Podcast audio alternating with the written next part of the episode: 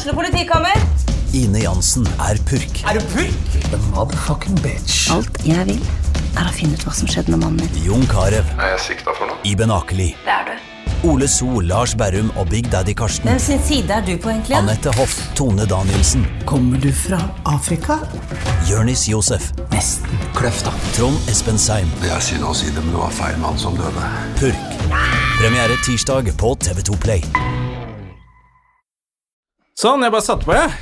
Er vi i gang? Det er bra det, Jona. Ja. Nå har vi jo nettopp gått forbi et eh, rom fullt av damer. Masse damer på rommet ved siden av her. Ja, Et eller annet podkast som Da var full ble jeg så damesending. overraska at jeg ikke klarte å si noe, så jeg bare gikk gikk... forbi med sånn fårete smil. Ja, det var, om det var fårete eller om det var kåteblikk. Nei, eller? det var det ikke. Ja, men nysgjerrig Nysgjerrig mannfolkblikk. Det var ikke det, men jeg hadde tissen ute, det hadde jeg. da ble det skrik og skrål. Så nå har vi låst oss her inne på Joe Rogan-studiet. Studie? Studie, studio. Jo. Vi sitter ikke og studerer Joe Rogan her. Det gjør vi Nei, ikke. det gjør vi ikke, men uh, det er det. jeg syns jo dette er det beste uh, rommet, og det burde vært vårt rom hver gang. Ja. Det, men det er Jim, selvfølgelig. Ja, jævla Jim som driver det ikke skjønner jo, det. Veldig ofte er vi jo her, og så må vi inn på sånne små drittrom, selv om Ja. dette er ledig. Ja. Da er det Jim som fucker Da er det Jim som fucker opp med Sikkert- vilje. Med vilje. Han sikkert fuck, han sikkert Nei, vet du hva, det eh, er ikke med vilje. Han er så dum, så han gjør det fordi han er dum. Han prøvde å få oss inn her, klarte ikke. Han er så dum, han Jim. Hvordan går det med deg, André? Vi elsker Jim. Jeg må si det. Ja, vi Sikkert han, du vet, han er så dum at han tror Ja, at vi det er sier at han er dum. Men vennene hans hører på dette, og når vi sier at han er dum, så sier de at han er dum Det til er ham. det som er gøy. Ja. De må alltid gjøre det. De må er en, eh, hver gang så må de eh, si det til Jim, at nå prater han deg igjen. Ja, og snakker om hvor dum han er. Jimmer'n. Fortell hvordan det går, min venn. Det går bra med meg. Eh, nå får vi kaffe òg, vet du. Å, fy fader, det er, Det er så ikke alle som er her. på- idioter her. Nei, det er bare Jim. Eh, du, du, jeg, nå syns Altså, mm, jeg må jo si at jeg har vært i bobla noen uker og vært nede i høstdepresjonskjelleren og plukka poteter. Ja, du pleier jo det. Ja, men det er bedre nå, syns jeg, altså. Eh, jeg vet ikke, jeg plutselig bare, akkurat som bare kom litt ut av den er kanskje litt den overgangen fra sommer, på med sko, ikke mer eh, surfing på hytta og båtliv. Ja, det det blir litt eh, brå greier. overgang for deg. Det gjør det, vet du. Når alle båtene er på land, så er det rett i potetkjelleren. Ja. Men, men jeg syns jo fortsatt Altså nå i Oslo nå, det regner og er mørkt og trist, og det blir mørkt, enda mørkere på morgenen. Ja, og nå liksom dytter refleks på ungen før den skal ut på skolen. Og. Ja, på morgenen. Eh, Ja. Jeg, jeg er jo litt Jeg syns jo det er veldig fint med dette drittværet, siden jeg nå har flyttet opp i høyden. Så jeg elsker å stå på verandaen min og se på når det røsker og river i trærne. Og Ja, du bor jo oppe i The Hills, Jeg bor i The Hills, jeg nå. Ja. Men, uh, mens jeg bor nede i dumpa i smoggen. ja. Men det er mørkt. Jeg, har begynt å merke det. ja. Neida, men, men for å være ærlig, det er mye bedre, syns jeg. Det er um, også Jeg vet ikke om det også er at det faktisk nå går ganske kjapt til neste år. Altså Nå, er det sånn, nå begynner vi å nærme oss liksom sånn Nå skal vi jobbe noen uker, vi skal vi først i Vi skal, vi skal close eh, sesongen. Ja, nå skal vi liksom først skal vi faktisk ut og reise bare om en uke. Akkurat Ja. en uke, så drar vi. Det skal vi, altså. Uh, så det er jo én ting. Men så er det liksom bare noen uker da med litt jobbing og sånn, så er det plutselig ferie, juleferie og jul og hygge og Ja, og så er det nyttår. Og da mm, er det ny giv og Ja. Så kan hende det er litt det også. Ja, det blir deilig når vinteren kommer. Det er disse overgangene. Høsten er jo litt seig. Det er dårlig vær, og Ja. uh, man kan ikke gå på ski. Uh, jeg var jo ute og løp i går. Jeg liker jo dette her, da. Regn og sånn. Ja, du liker jo Ja, så jeg løp 1,3 i går. Mye lettere enn sist gang jeg gjorde det. Så Ja, det allerede bare Faen, hva skjer her nå? Men jeg også merka det på forrige hockeyen. hockeyen, at jeg var mye bedre form. Ja, det gikk litt fortere i år. Ja, det gjorde det, altså. Så hockeyformen kom. Og så har jeg jo radio i bilen igjen. Ok, har du fått tilbake radioen? Tilbake det han. Ja. Selvfølgelig, da. Ja. Så nå venter jeg bare å få tilbake penga fra han fyren.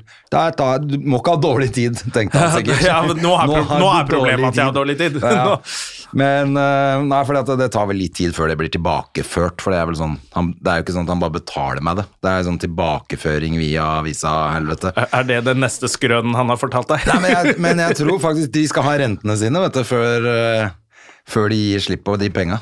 Ja. Bare, Så, så, lenge var- du ikke trenger dem i New York. Det er fint å komme tilbake til noen penger, da. Altså, jeg kommer jo til å dra opp dit med balltre med spiker i morgen, hvis Ja. ikke det er penger på kontoen, for da har det gått en uke. Da Jeg, jeg ikke eh, vente lenger. Kan hende jeg må ta deg med på et lite torpedo-ride sjøl, jeg. Han der eh, jævla nissen som jeg eh, leide leilighet hos, han har ikke betalt ut depositumet, og så sendte jeg han melding for fire dager siden. Sånn, du, nå Nå må det komme. Og det er første, første oktober jeg var ute, altså. Ja, det begynner å ta ja, for lang lang så tid. det det skal jo komme to dager etterpå. Ja. Uh, men så var det noe sånn ikke?» benken, jeg må kanskje knipe.' Ja ja, men ta så fiks det. Og så en sånn skuff. Men han kan, og så har jeg sendt ham melding nå, så jeg har ikke fått svar. Så sendte jeg bare spørsmålstegn i går. Ikke noe svar? Ikke noe svar. Så hvis han ikke svarer i dag, så må jeg drive og ringe han og være ufin. Uh, for Ja, for han altså- har ikke bodd der. Han har ikke bodd der. Nei, ikke sant, så han kan gå på en Jeg kan også ta og ringe noen kemner. ja. Og så tenker jeg at hva da hva, Jeg bruker kemneren som torpedo, faktisk. Men hva er Nei, benk? kjøkkenbenk som har ment at det var ikke Men jeg har bilder. Ja, fuck off. ja, men hva faen, du har jo bodd Altså, du har bodd der. Selvfølgelig, det blir jo en flekk der, Ja. liksom. Eller er det, har du hugd med øks i kjøkkenbenken hans? Ja, jeg tror det merket var der fra før. Også. Men det var et merke, eller en, bare en Merke. flekk? Nei, sånn flekk, da. Flekk er ikke Jeg ser ut som noe lite og varmt har stått der, men jeg eier jo ikke noe lite og varmt. Men jeg eier noe stort og varmt, min venn. Nei, så han må bare ta seg sammen. Ja, men bare merker sånn svar, da, i hvert fall. Hvis Ja. det er noe du driver og regner på om kanskje jeg skulle betale for en skuff som var ødelagt, whatever, men du kan han, ikke bare bli Skybert og forsvinne. Han jobber jo part-time på SR Radio, han der fyren her. Ja, det gjør han. han er, de gikk på en liten smell nå. Du må betale tilbake noe penger på SR Radio. Ja, ja, ja. Nei, men eh, Nei, eh, ja. Var... Jeg får jo håndverkere på besøk etterpå i dag, som skal ta, liksom, se hva de kan gjøre hos meg. Så da må jeg jo Det må cash. ja. Kanskje du skal male hele leiligheten, André, mens jeg er i New York. Det hadde vært fint. Altså, på en måte. Det er jo like greit å bare gjøre det, da. Så Ja. heller Du kan ikke ta på litt forbrukslån, da, hvis du trenger det, liksom. Moren min var sånn 'ikke ta forbrukslån'. Så jeg, var, jeg vet ikke om jeg får lån i det hele tatt, jeg jeg tror jeg har maksa det. Ja, men Ring til henne da og si at da må du, hvis ikke Ja, jeg skal ta forbrukslån, så må jo du låne meg de penga, bare. Doktor Holmen? Det går. Det går. Ja. Nei, det er ikke. Jo, ikke. jo, de kan betale for maling hjemme hos deg. Ja. Nei, jeg har råd til maling, så får vi se hva det blir med det kjøkkenet. Se hva det blir med rulle. Men maling har jeg råd til. maling har jeg råd til. Ja, ja. Men eh, jeg har sagt det til deg før, du kan jo ta det du kan nå, så kan vi male litt, vi òg. Jeg kan Ja. male, jeg, altså. Ja, du kan male. Det er eh, kjekt å vite. Så kan hende at du Um, maler om disse rommene etter hvert. Fordi at jeg også driver jo holder på med litt sånn oppussing hjemme hos meg nå. Jeg må, så så jeg sånn Jeg så nettopp en sånn Insta fra Adam Sjølberg. Ja, Som jeg, altså Litt sånn duker og litt lys og litt sånn, så blir det jo jævla mye hyggeligere. Jeg Ja, altså- glemmer jo sånn Han er jo helt pynteminister. selvfølgelig. Men hvis du går litt rundt i høye hæler, sånn som Adam, så får du kanskje litt sånn Du, her oppe fra så ser det ut som jeg trenger en duk. Ja. Eller kanskje noe stearinlys som står der, og så blir det finere. Det kan hende rett og slett bare er derfor. Kontakte din feminine og maskuline side, Jeg som bare, jeg bare så at jeg syntes han hadde fått det så Det var så hyggelig, liksom. Og jeg veit at det ikke er noen kvinnfolk som fikser opp der. Ja. Sånn at jeg må kunne klare det, jeg også. Eh, være litt feminin i opplegget. Altså få gjort ferdig med, ja, det er Adam som gjør det, så det er ikke de bimbo-dudesa han tar med seg hjem heller, tror jeg. Nei, nei, han, men han er selvfølgelig sponsa et eller annet uh, opplegg da, som han fikk noen fine duker fra. og sånn. Men det var bare at det var så det, det var så lite som skulle til for å gjøre det litt hyggeligere. For jeg merker at uh, jeg er litt dårlig på det. Jeg driver jo ikke med sånt. Jeg har uh, lenge vært litt Litt som motstander, altså. Jeg er ikke jålete, det er jo ikke du heller. Du, er, du er litt flinkere enn meg til å kle deg og sånne ting, men Nei, vi er jo ikke Vi er litt sånn old school. Jeg syns nesten det er sånn det å bruke tid på å så gresset sånn, Det gjør ikke du, da. Det slipper jeg. Ja, men jeg bare sånn Når du er på do på utesteder, sånn, så ser jeg sånn fyr som står og holder på med håret sitt sånn. Ja, ja, ja, da blir jeg sånn, du vet, ta deg sammen, da. Gå og bære noe ved, eller faen heller. Altså, Ja, så, de jeg, det verste er at når jeg går ut, så tenker jeg ofte sånn Jeg må jo ta, jeg kan ikke ta de nye klærne her, for da de blir bare ødelagt. sånn tenker jeg òg. Jeg veit at det kommer til å søle og grise og ja, ramle og Nei, så det, det, det går an å være litt flink. slåss. Slåss med dørvakter. Ja, men det går an, det går an å, å, å sette seg ned og ta litt tid. Men jeg har jo bodd i leid leilighet så lenge også, så jeg har ikke giddet å pynte. Nei. Mest sånn fuck dere! Men det var derfor jeg kom på det. Det var derfor vi altså, i ungdommen bare gikk med Uh, jeans og jeansjakke, jeansskjorte altså, alt For Ja. det gikk jo aldri i stykker. Ja, er sånn, dongeri er bra for barn. Ja, sånn dongerijakke, sånn tjukk med pelsfôr og sånn, hadde jo alltid det. Det gikk jo var helt umulig å ødelegge. Men uh, Så det er det. Sånn, men sånn er det når du er vokst opp øh, på en tid hvor man ramla rundt og hang etter trikken. Det, Ja. Sånn er det ikke lenger. Så går det an å Jeg ser jo at Jeg har jo noen kompiser som har det litt da. fint Ja. hjemme hos seg. Jeg tenker jo sånn, faen. Det er mye hyggeligere. Jeg husker første gang kom, det var, Dikkeren pleier å ha bursdag, og da var jeg oppe hos han, han har bursdag, tacobursdag, så Ja. så jeg bare, han har fått det jævla fint da, men så hadde han sånn, en slags stol borti et sånt hjørne med et lite bord og en lampe, så jeg bare, faen, jeg blir helt lættis, hva faen, sitter du der noen ganger? Sitter der og leser. Hva faen er det du driver med? Jeg synes det var så komisk. I ettertid, så jeg får tårer i øynene av å le av det. Eh, I ettertid så skjønner jeg at eh, dette er jo, man skal ha det litt fint rundt seg. Ja, ja, ja. Ja. Pluss at det er drithyggelig å sette seg ned i en stol med en lampe og lese bok. Ja, Og så tar du en, en tekopp og putter noe marshmallows oppi der, og så Jeg kommer aldri til å gjøre det, Jonna. Men det høres koselig ut. Tenner Ja, litt, det er koselig. Fyrer på peisen og Ja. setter brillene litt ned på nesa og tar på deg tøfler. Og, Ja. og så setter du en gunner til huet og skyter huet av deg sjæl. Og og dekorerer veggen med hele innsiden av hodet ditt. Uh, det er advarsel til folk. det- Podkasten inneholder prat om selvmord. Ja, sant det. det er ikke, Alkohol, rus og ring, Er det ikke sånn damer. nummer du kan ringe hvis Jo. du har sånne problemer? Jo. Ellers kan du bli her på podkasten og høre på oss. Jeg må, ja, jeg må skjønne at det blir bedre. Legge nummeret til Valen, han kan sikkert hjelpe deg. For han har blitt psykolog, eller? Jeg så bare nå at han i hvert fall eh, var ute i avisa og sa at han drakk en flaske sprit om dagen. Igjen? Nei, Tror han slutta, ja, nå har han, nå har han vært på rehab og alt, men Ja, ja. i den perioden, liksom Det var sikkert mer Jeg tenkte sånn Én flaske? Du må jo i hvert fall drukket Petter to. Baarli da. i Backstreet Girls bare For en pigle! Det er en frokost, det der. Uten å kødde, faktisk. ja. ja, ja, han er jo sånn. Ja, for jeg så det med Hvis du skal være ordentlig rockestjerne og liksom ut med hvor mye du drakk, så så jeg et intervju med Slash også som sa at han starta dagen med den sneipen som lå på Det lå gjerne liksom på øh, nattbordet. Bare fortsetter der du slapp. Som han starta med, og så, var liksom begynne, så drakk han to-tre flasker sprit i løpet av en dag. Å, fy faen. Men da er det jo blitt medisin, da. Da, er det jo, da, Altså, han var ikke, da må du jo gjøre det, da. han Hvis ikke full. så Jeg lurer på, på han Howard Stern. Uh, Ja. Han har mye kule intervjuer nå som ligger ute sånn på uh, Altså en klipp da, som ligger ute på Insta. Jeg så Howard Stern eh, for øvrig. Hadde blitt så sinna på Kanye West. Yay. Ok. Antisemitten Yay. Ja, Er han antisemitt Har du ikke fått med deg det? Nei, nei, nei. Oh, ja, han, han er jo Han har vel Er det derfor han blir uh, slakta overalt nå? Ja, ja, for han- mister han er jo- alle Han tror på jødelaser og alt sammen. Å ja, han ja, ja, han er, for når han, han, Jeg tror han er bipolar. Eller man Salamander. spekulerer men han blir i hvert fall når han ikke tar medisiner. Da, så, klikk. så blir han antisemitt og veldig maga. Okay. ja, og mener at svarte eh, som er sliter med slaveri Det var noe de valgte selv. Så han blir jo helt koko. Ja, altså Han er tilbake der, ja. Ja, Hvor nå- de hadde jo ikke De, hadde jo, de hjalp jo de svarte i sørstatene. Det, var, Ja. det, det vet du Ja, de hadde jo ikke mål og mening, vet du. Nei, så de hjalp dem med jobb, og de fikk gå Ja. øh, og lære ting, og bli smed, for eksempel. ja, altså, hva faen? Ja. De er klin gærne, vet det du. er der du har også sett på Thomas Ja, uh. Seltzers. Faen, den er bra, altså. Jævlig bra. Stor Ja. applaus. applaus. Eh, Men Kanye West er jo blitt antisemitt når han er syk nå. Ja. Han tar sikkert medisin. Men så er det jo sånn der, alle er enige om at han blir litt syk av og til. Men, men ja, jeg skjønner at Adidas ikke vil ha noe med han å ja, gjøre. for det jeg så i dag, at Ja. Adidas vil trekke Ja. samarbeid med Og det er jo sånn der, hvis du, ta, hvis du tar medisinen din, så er det bra. Hvis du slutter, hvis, Hver gang du ikke tar medisin, så begynner du å si sig heil og sånn, så blir det litt slitsomt. Først så tenkte jeg sånn, du, han er syk, kan vi ikke bare ignorere det han sier? Ja. Må være litt Men han er for stor til det, vet du. Ja, og folk stikker jo mikrofoner i trynet på han hele tida. Så han Ikke bare sant? Å ja, vil du høre mine fem cent? Jødene styrer verden. Ja. Nei, det er helt eh, Men det er det jeg sier. Det er jo konspirasjonsteoriene store Ja, store mor. Ja. Altså, det havner alltid der Selvfølgelig. til slutt. Men uh, vi kan snakke mer om uh, Seltzern-programmet, for det var jo jævla interessant. Men kanskje vi skal ta inn gest Det kan vi gjøre. Det kan vi gjøre. Lø gest? Ja, vi har jo veldig morsomme gjester her. Bra jobba, André. Ja, det var hyggelig, det. Dette gleder jeg meg til. Eh, BA-desken eh, Ken André Ja. er på plass. så- Badeesken, som jeg trodde det var. Eh, Eller Badass Ken, som Ja. jeg trodde.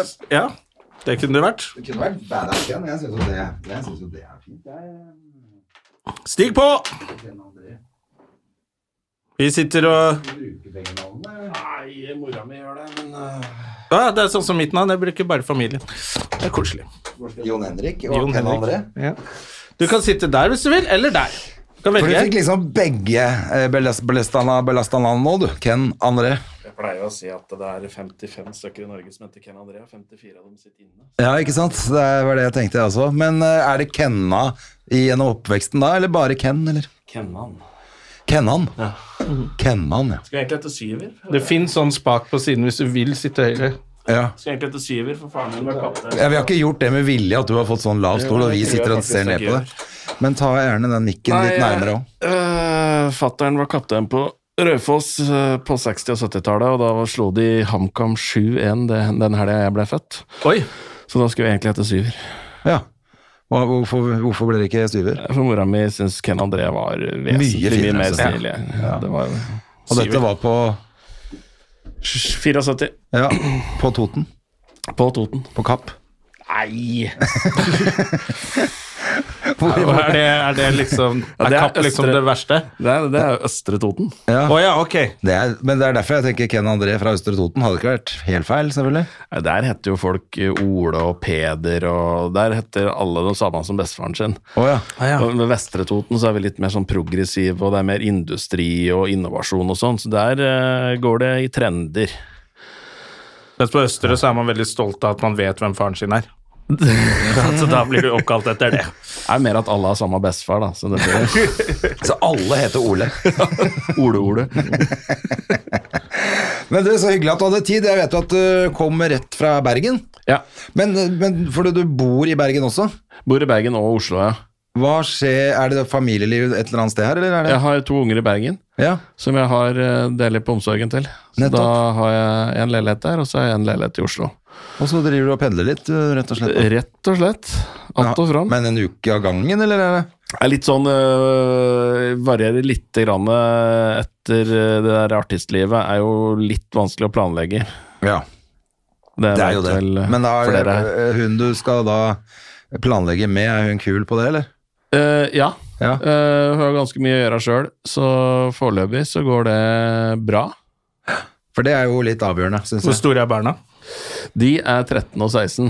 Så Ja, ok, så de kan klare, klare seg noen timer. er så gamle at de er flaue over far sin, og samtidig klarer seg noen timer, ja. Ja, Det er bare å vippse dem noen penger, og ja det er det eh, Det er sånn dere holder kontakt med de på den alderen. Min blir 15 nå straks. Ja, det er liksom eh, All kontakt foregår på Vips, det er jo litt trist. Ja, for da får du jo gjerne sånn eh, Hei, pappa. Ja. Halloween-kostyme. Mamma betalte sist, kunne du betalt? Så i går betalte jeg det. Ja, og så skrev hun det samme til mora si, eller? Sikkert. Pappa betalte sist, så kunne du Det kan godt hende. Men da blir det jo lettere å planlegge, det var poenget mitt. Ja, Med at man eh, Det er litt mer glidende overgang. Man Ja. trenger ikke akkurat være inn i døra samtidig. Kanskje. Med vips. Nei, med, med reising. Med reising. Nei, men det er, plutselig så dukker det opp. Sånn var det jo i gamle dager, når jeg tenker meg. Altså, Fattern dro jo av gårde. Ja, men du, har helt, du var jo i Da Canada i to måneder alene. Det er ikke da du var Hvor gammel var du? 15. Ja, og så begynte du å bange sekretæren til faren din. Altså, Dette er ikke vanlig. Det ikke er sånn ikke, sånn var det i gamle dager. Du var i gamle dager. Han la igjen penger på Han la alltid igjen penger på kjøkkenbordet. Og Det ligger 500 kroner på kjøkkenbenken, jeg skal til Japan. Jeg jobba med, med en fyr i Bergen der foreldra Han var 14, men foreldra jaug på han at han var 15, sånn at de kunne få sendt den til sjøs. Oi, Ja. det er stilig. Det er eh, Du er 14 år, og de bare satt på bananbåt eh, til Rio de Janeiro, liksom. Åssen gikk det med han, da? Eh, nei, det gikk vel eh, greit. Spiller gitar i. Rune Rudberg heter han. Ja, Kjempesuksess. Ja, jeg, jeg føler at det er litt sånn enten-eller. Enten så er det sånn Men tror du ikke jeg traff henne igjen 30 år etterpå? Da var han jo skipsreder og eide fem båter. Gikk jævla bra for han. Ja, Eller så er det Nei, han sitter nede på Hawaii og spiller gitar og ble vel, ikke noe, vel ikke noe Jon Michelet, men uh, det gikk bra med han, tror jeg. Ja, nei, men det er bra. Men, eh, men nå er du ute med show, du. Ja, rett og slett. rett og Siden du sa showbiz. For du, du har jo holdt på lenge på liksom event- og firmamarkedet, men første show, da. Ja, nei, jeg har jo holdt på lenge med på en måte to jobber. Jeg har jo jobba som journalist, eh, eller jeg var jo vaktsjef i VG fram til sommeren. Så jeg jobba 30 år som journalist. Eh, Men da eh, tok på en måte BA-desken og hele det opplegget så mye av at jeg hadde tid til begge deler. Ja, det er vel sikkert ikke mange som ikke vet hva BA-desken er, men da er, det er din Instagram-profil hvor du gjør narr av lokal Nei, jeg er ikke narr. Du hyller? Jeg hyller. Hyller Eh, lokalavis. jeg Så er det hyller opp, opp til mottaker om, Om det er morsomt eller ikke. om man ler med eller av, tenker jeg. Ja, nei, jeg tror det er delt. Jeg tror folk i byen tror at jeg gjør narr av eh, Bygde-Norge, mens folk i Bygde-Norge veit at eh, jeg elsker Bygde-Norge. Ja. Så det er litt om hvor du, litt om hvor du står hen sjøl. Men, eh, men ja Instagram-konto legger ut saker, fine, rare og morsomme saker fra landets lokalaviser hver dag. Har tatt voldsomt av. Så nå Ja, hvor mange er det som følger deg der, da? 350 Ja, for det er 60 000. det er det men det er ganske Ja. sjukt. Ja. Eh, Men det er så- en stor jobb. Vi har jo hatt, bare tenkte på det med Espen Lervåg, har jo vært her flere ganger, og vi snakket litt om det, for han også har jo liksom øh, hatt en sånn konto som er ganske ellevill, da. Ja. Uh, men han, det var ganske stor jobb. Altså holde på hver dag for å liksom holde det der. Ja, han, øh, han har jo mer sånn eh, Det er det jo han som figurerer på kontoen på en måte og gjør rare ting, mens jeg er jo relativt anonym. Ja. eh, og viser ikke trynet mitt på den kontoen eh, noen gang. Nei, men, jeg liksom. tenker at, men jobben må Ja, skal jobben gjøres er jo allikevel. Det er masse, ganske stor masse- jobb, ja, det høres ja, ja, som ja. man legger ut noe gøy på Instagram, men det er jo ikke sånn. Det er jo Nei. en ordentlig jobb. Det er en eh, ordentlig jobb. Jeg får jo noen dager får jeg opptil 1000 tips, og da må du jo sitte og svare. Da må du si 'tusen takk' 1000 ganger. Og det, det tar en stund.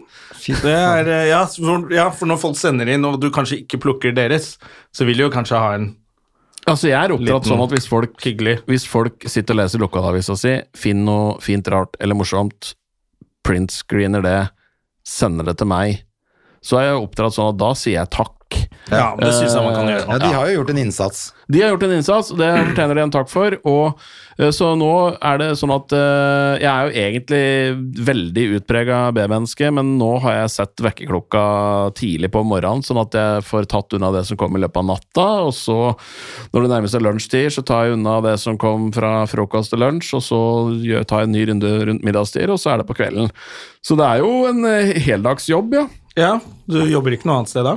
Eh, nei, jeg gjør, eller jeg gjør jo fryktelig mye rart, da. Eh, Jeg klarer ikke å si nei til noen ting. Så det er alltid Det er vi glad for her i Støme og Gjerman. Ja, for jeg tenkte faktisk når jeg meldte at det er sånn Det her er egentlig litt shot in the dark, for han, ser, Ja, ja. han er busy. Jeg ble kjempeimponert. Jeg, André. over at du Nei, men det var jo liksom på veien fra flytoget til hjem igjen. Sånn at eh, det, det er jo bare koselig, det. Ja, det var litt flaks, rett og slett. ja, men det er jo utrolig hva en klarer å dytte inn i løpet av en dag, da, hvis en liksom bare planlegger litt. Men jeg, jeg eh, for, for, hvis du møtte meg for ti år siden, så var jeg ekstremt sånn ustrukturert fyr og visste ikke hva jeg skulle gjøre for noe dagen etterpå. og Bestilte flybilletter i siste liten og sånne ting. Det er det ingen her som kjenner seg igjen? For en type. Jonas Stømmer. Men nå, men nå har jeg, jeg har det så travelt og forpliktelser i alle bøver og kanter, sånn at jeg må rett og slett bare bli Eller jeg er veldig strukturert. Uh, og det er jo eh, Og det er jo Når du egentlig er ustrukturert, så er det slitsomt i seg sjøl å være strukturert. Nå satt jeg i går og bestilte flybilletter for de neste to ukene. Og det var liksom sånn 14-15 flyturer, liksom. Så det, og så må det Altså, Norge er så Altså, jeg, jeg elsker jo Norge. Jeg syns det er dritspennende å reise rundt i hele landet og møte folk og sånn, men hvis du skal komme deg fra Ja, si nå, da, så må jeg komme meg fra Steinkjer på lørdagsmorgen til Nordfjord på lørdags ettermiddag, sant? Ja. Uh, og eh, eller Nordfjordeid. Uh, og uh, alle, alle som er ute og er artister og sånn, vet at lørdag er en helt håpløs dag å fly på. Så da må jeg ta toget 0534 fra Steinkjer stasjon etter at jeg har gjort show. Og så må jeg ta et fly ti over ni fra Værnes i Trondheim ned til Gardermoen, vente på Gardermoen i to-tre timer, og så ta et av de to flya som går til Sandane den dagen. Og så er er det jo bil og ferje og så Altså, det er så komplisert, Så sånn er det lo- hest og vogn siste logikken, Ja, men det er jo faktisk sist gang jeg var tok, Eller ikke sist gang, men det er ikke, det er ikke lenge nok siden da Nei. at jeg tok fly til en av de der Sogndal eh, fiske- og video- og flystasjon-greiene. Så var jeg sånn ustrukturert som du sa, så jeg bare møtte opp på Det er jo ikke noen flybuss her, jo. Hva faen er det som skjer? Så alle bare Er du helt dust? Du må avtale henting her. Så jeg måtte haike med folk for å rekke jobben, men jeg, jeg trodde at jeg kunne komme dit og bare Ja, ja. hoppe på en eller annen flybuss. Så er det ikke en Ja, nei, du må snøscooter, planlegge altså. litt mer enn det. er så naive, disse og- folka fra byen. Ja. Det er liksom uh... Men da hadde jeg faktisk reist rundt i ti år allerede, men jeg var helt jeg Ja, hadde ja, ikke fått med. Alltid noen som henta meg, eller et eller annet. Jeg hadde ikke skjønt det der når jeg skulle reise helt alene. At, uh, Nei, men det er ikke så rart heller, da. Du skal på en jobb, så regner du med at noe, noe er- skjer. Jeg tror jeg hadde mista det første flyet, så det var litt min skyld òg. Ja, det var litt din skyld òg, ja. Også, men, så er de, men så er de utrolig flinke ute på bygda til å utnytte situasjonen når du først er der. For jeg var, gjorde en jobb i, sånn firmajobb i Førde for en måneds tid siden, eller noe sånt nå. og da rykte det seg at jeg skulle til Førde, så da ringte liksom eh, NRK Sogn og Fjordane, og så fikk de liksom uh, smetta inn et intervju et kvarter før jeg skulle på scenen. Og så når jeg var ferdig på scenen, så ble jeg henta av en fyr som spiller inn podkast i bilen sin, så han kjørte meg til ferja, og så spilte vi inn podkast mens han kjørte meg til ferja, liksom. Nice. Ja, ja, altså det er jo klemme inn det som klemmes Ja, inn kan. Ja. Da blir du jo kjørt rundt, da, så det er jo Ja, ja, ja, ja, ja. Det er jo bedre det enn ikke Ja, så Uansett hvor du kommer, så stiller du opp på podkast i bil. Hvis folk kjører. Ja, ja, ja, hallo! Hallo! Det er klart det. Ja, det det er hjelper at man slipper leiebil og sånn. Men, men det showet du reiser med nå, er det satt sammen av ting du har lagt ut tidligere, eller er lagd helt nye ting, eller hva har du gjort for noe med Nei, det er begge deler. Altså, jeg har jo et sånn arkiv på 10 000-15 000 saker fra norske lokalaviser som jeg plukker fra, og så har sett sammen til en helaftenforestilling. Og det er det som er spesielt med den forestillinga her, og det showet her, er jo at jeg skriver et nytt show for hver plass jeg er på. Så jeg skal ha 22 forskjellige plasser og skriver 22 forskjellige show. Eh, For da er det deres lokalnyheter? da er det deres lokalnyheter. Å, fy Eh, fader, ja, det er beinhardt. Ja, og det syns jeg var en sinnssykt god idé. Det Helt til du skulle gjennomføre det. Ja, for, det, eh, for det, mm, det er jo ekstremt mye jobb. Men, men så er det jo ekstremt mye mer takknemlig å stå på scenen og vise at du veit hvor du er hen, og kinner til liksom eh, lokale forhold der, og, og hvem, hvilke bygd de hater, og hvilke bygd de elsker, og altså, alle sånne ting. da. Så, så det, er jo, det er jo veldig mye jobb, men det er litt sånn som jeg alltid har gjort, at når jeg skal gjøre en jobb, så skreddersyr jeg liksom for den den bedriften eller den organisasjonen, eller i forhold til hvor jeg er hen i landet. Eh, og det er liksom veldig populært. Ja. Så mye jobb, men uh, det må til. Men da jobber du i hvert fall stort sett med ting du liker, da. Ja, jo da, jo, jo, for all del. Det er bare at det blir mye når det liksom blir show og så mye reising. For det er, reising det er på en måte litt sånn bortkasta tid. Bortsett fra at jeg føler liksom på fly er den eneste plass jeg nesten slapper av. Men uh, da bare sovner jeg med en gang. Så det er liksom Ja, sånn bortkasta avslapping, det òg. For det, folk sier sånn, jeg er glad i å reise, men så sier de sånn, egentlig er de glad i å komme frem. Ja. Men jeg er ofte faktisk glad i å reise også. Ja. det det Jeg syns det er digg å reise det- hyggelig. hvis du slipper å bytte så mye transportmiddel. Ja. Så eh, Sist jeg skulle til Bergen, så tok jeg faktisk, valgte jeg tog i stedet for fly. Og det er jo helt nydelig. Bare Ja. gå ned tidlig på, drittidlig på morgenen på Oslo S. Ja, så kan bare- du jobbe på toget. Det- Ja, ja, og sitte og se på Hardangervidda og alt mulig. Da, var det, da er det deilig å reise. Men når det er flytog, og så to fly som må byttes på, og Steinkjer og hele den reiseruta di, da kan man bli litt sliten. Hvis man gjør det. Hvis man er reiser alene. at man kan det, men det er litt sånn innstilling på hva som eh, hva man Ja. Jeg du, synes skal du bli helt Bertram Larsen nå, liksom? Du må bare gønne Det er, det er innstillingen din. Du må jobbe med innstillingen. Ikke ta det flyet. Ikke ta det Ikke ta det flyet. Ikke trykk på den knappen. Men, men nei, altså, men jeg, jeg, jeg har sånn evne til å sovne Eller som har hatt eh, små unger, eh, tror jeg har den evnen etter hvert. Og det er liksom at du klarer å sovne hvor som helst, når som helst. Ja. Og på fly, så, så fort jeg setter meg ned i setet, så sovner jeg. Og det er eh, Jeg veit det er en plage for mine medpassasjerer. Det blir- Det blir meg fortalt at jeg snorker, det tror jeg Jeg har aldri hørt det sjøl. Men eh, jeg våkner liksom idet flyet lander da, og så bare kjenner jeg på halsen min at her har det blitt dratt Her har det snorket litt. seriøst tømmer, og så har jeg sikla ned Du sovner såpass, ja? Ja, ofte sikla litt ned på skjorta og sånn, og så kikker jeg meg rundt, og så alle liksom ser litt rart på meg og sånn. Så jeg, det er eh, Men jeg må jo sove òg, sånn at Det er jo fordi du også har pisset og driti på deg. Det har jeg prøvd å slutte med. Skjønner ikke. Hvor, mye, hvor mange reisedøgn har du i året, tror du? Eh, nei, det er nok uh, godt over 200, ja. Uh, Såpass, I fjor så hadde jeg 222 flyturer. Å, fy faen. Har du gullkort, da? Diamant. Gull. Er det diamant det er nå? Det er. Platinum? Diamant, så klart. Ja. Nei da, men, men Hvilket, er, vi- det ikke et nivå hvor du, hvis du først kommer dit, så blir det aldri borte? Er ikke det Nei, et sånt nivå, eller åssen er det der? Nei, hvis du har gullkort ti år på rad, så får du det for resten av livet. Men du har jo noe noe ja. som heter Pandion, som er sånn eh, det hemmelige eh, kortet, liksom. Og det, da kommer det en sånn bud hjem til deg med en sånn fin boks, og så oppi der så står det sånn brev fra SAS-sjefen, så har han skrevet under med ekte underskrift og sånn. Du har fått det? Nei, nei. Eh, Du venter på hvis han det? hører på nå, så Ja, er det flere som er interessert For i det, det? er, for det er jo ikke lov å si det hvis du har fått det heller. Jo da, jeg har møtt folk som har skrytt av det. Men, eh, men eh, da, da Altså, hvis det Det er jo Æsj, dette er litt sånn klysete å prate om. Men poenget er at det, forskjell, altså, det er nesten ingen forskjell på gull og diamant. Uh, så hvis Gull du, jeg jobber for. ja. Men hvis du har diamant, så, så eneste forskjellen egentlig sånn er, er jo at da står du på en liste uh, hos de purser, da, eller de som jobber på fly. Altså, de Ja. vet at du er om bord. Uh, Sånn at de Gir deg litt ekstra gir deg litt service. ekstra service, liksom. Men det er, og, det, og, det, og de er alltid hyggelige, og sånn, men jeg sover jo hele tida. Så det er, De bare, nå han der Det er derfor han ikke blir kastet ut. Kan vi kaste siklebassen. Siklebassen på første rad her igjen. Vi har ikke båla flyet er ferdig, greit. og han snorker. Kan vi få han ut? Han er diamant! Er det han? Er det han, ja? da må har han pissa på seg igjen! Ja, han, han, han har diamant, da. Han har diamant. Diamant. Det er derfor du må ha det. It's diamond in the rough, men allikevel.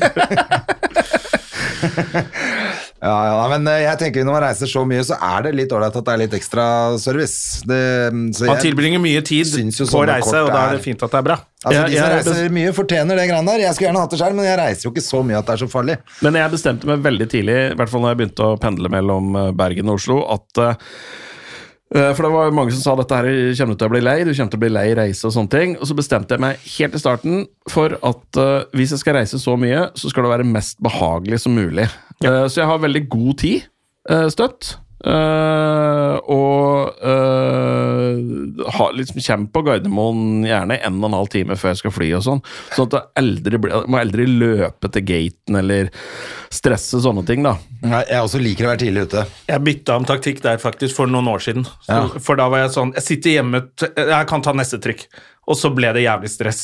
Ja, ja, ja. Eh, og så bare, bare bytta om som Bertrand Larsen i hodet. Så, du, nå drar jeg bare en time før jeg Ikke vanligvis ville dratt. Ikke ta den Ikke trekken. ta den trikken.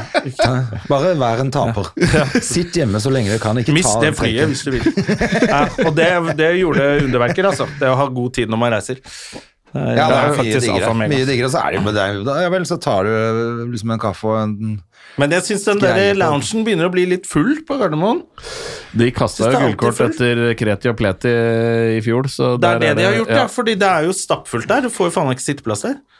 Jeg har hatt litt sånn flaks og fått sånne fast track-billetter eh, i det siste. Ja, men så det der er fast track-greiene, det lurer jeg på om bare med sølv så kan du gå på fast track, tror jeg. Nei, nå har noen kasta glør i øyet på deg. Det Er du sikker på det? Ja. Jeg syns jeg så det et eller annet sted, at det faktisk eh, er kanskje det er derfor jeg har hatt litt flaks med fast track i det siste. Det er derfor det er så fullt på den møkka-loungen. Jeg har sett deg drive og hoppe over den der eh, greia som du må få Ja, det gjør jeg alltid. Så roper jeg 'jeg har dårlig tid, det er gullkort', og så bare løper jeg. Ja, ja, ja. Det pleier å gå bra, det. ja, ja. Trenger ikke flybilletter, det. Nei. Bare løp inn. Bare løper inn. Jeg har det pandemikortet. Hva, kalte du det? Pan, Pandium. Det Pandium. Ja, pandemikort. Du skal ikke med. Pandion, tror jeg det heter. Pandion. Ja, Faen, det er rått. sånn svart kort. Jeg syns det er tøft, jeg. Ja, ja, ja, for all del. Det er litt James Bond over det, altså. Det er mye rar, det er mye rar oppførsel. Det er sånn, er ikke det sånn standard komikergreier? da? Et eller annet morsomt som skjer på flyplasser? og Jo sånn? da. Det var i er hvert fall det. det det var, man skulle ha en bra flyvits. Hvis ikke var du Det ikke en god var jo mange bra sånn. òg. Jeg syns jo det var jævlig mange bra. Uh, altså, men de bra kommer litt seinere. De der 90-tallsflyvitsene med at det var bare inngang bak og homoseksuelle pørsere. det, det føler jeg at det De er gøye nå. Å tenke på at de ble fortalt. Ja, ja, nettopp. Men det er ikke så gøy hvis du gjør den nå. Nei, jeg vet at det var mange som var At det var litt sånn De var litt for enkle. Men det var Ja, men mye altså, som det som var som jo var da de kom altså, eller da, Ja, de var gøye da. Altså, da var det jo Det var sånn Tommy Steine Det var glansnummeret til Tommy. Ja, eller Baste Bolstad. Og Baste Bolstad. Men Tommy hadde sånn Han kunne spille Femi. Og Sturla Bergen Hansen også spilte jo Femi. Som jeg jeg hadde liksom aldri helt bare Wow! Ja, eller han spilte Hvordan ikke Femi, de? det var bare- nesten visste sånn- ikke. Ja, han visste ikke, men da var de veldig over sånn Hei, alle sammen, det er Inga Barth! Så sto det og danset og var helt sånn Og folk lo seg så fillete, fordi Ja. jeg tror vitsen var at han Perchan liksom lot som han ikke var homo. ja. For da sa man ikke, han var ikke åpent homofil. Så det var liksom det som var det morsomme. At han var så, Og alle hadde lagt merke til at de var veldig femi. Og så var det en god observasjon da, av komikerne å legge merke til det. Så de Perchan er ofte litt uh, femi. Det har jo skjedd mye rart eh, på flyfronten opp igjennom. Da. Jeg husker jo den der, For det første så husker jeg når alle satt og røyka på fly. Ja, jeg har sigga på fly. Og, og så Det beste var når bare halve Ja! flyet. Ja, ja, Du fly måtte kunne sitte sigge. bak gardina hvis du skulle røyke. Ja.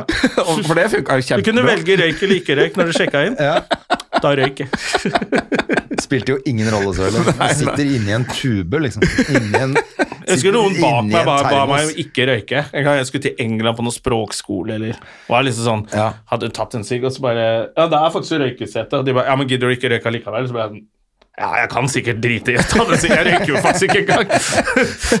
Jeg satt på fly fra Men da var liksom de litt frekke, sånn liksom Skal det ikke være greit å røyke engang, da? Fy faen. Ja, Men det er jo, altså jeg tenker på For det, det er jo, jeg er jo avhengig av snus, øh, og snuser hele forbanna tida. Men, men jeg tenker på folk som er skikkelig skikkelig, skikkelig avhengig av røyk. Og jeg øh, fløy fra Houston til Amsterdam en gang, og da havna jeg ved sida av en fyr som Han tipper røyka 80 rulling, som da Altså, han var ordentlig avhengig. Og Eh, Og da, da sitter du på det flyet, du får ikke røyka. Det går ikke an å mugrøyke på dass engang der, ikke sant? Så han satt konstant i da åtte-ni timer og rulla rullings. For da tenker jeg kanskje at Jeg tror kanskje du Ja, ja. tar opp litt uh, gjennom, fing, altså, Ja, gjennom huden. det. Sikkert også Men- litt sånn han å holde på med, da. Og Ja, ja. gjøre seg klar til eh, Han hadde han sikkert frem. 100 ferdigrulla rullings da vi landa i Amsterdam. og han løp!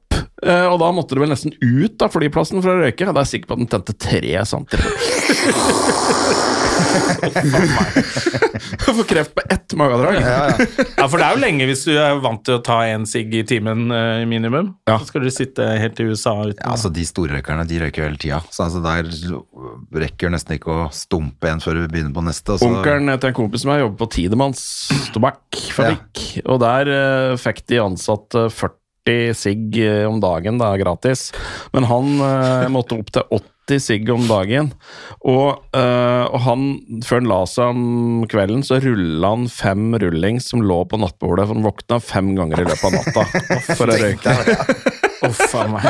Det var før, det var før filter og alt, det. Ja, det Å, fy fader, det er beinhardt. det er, Han ble ikke 103.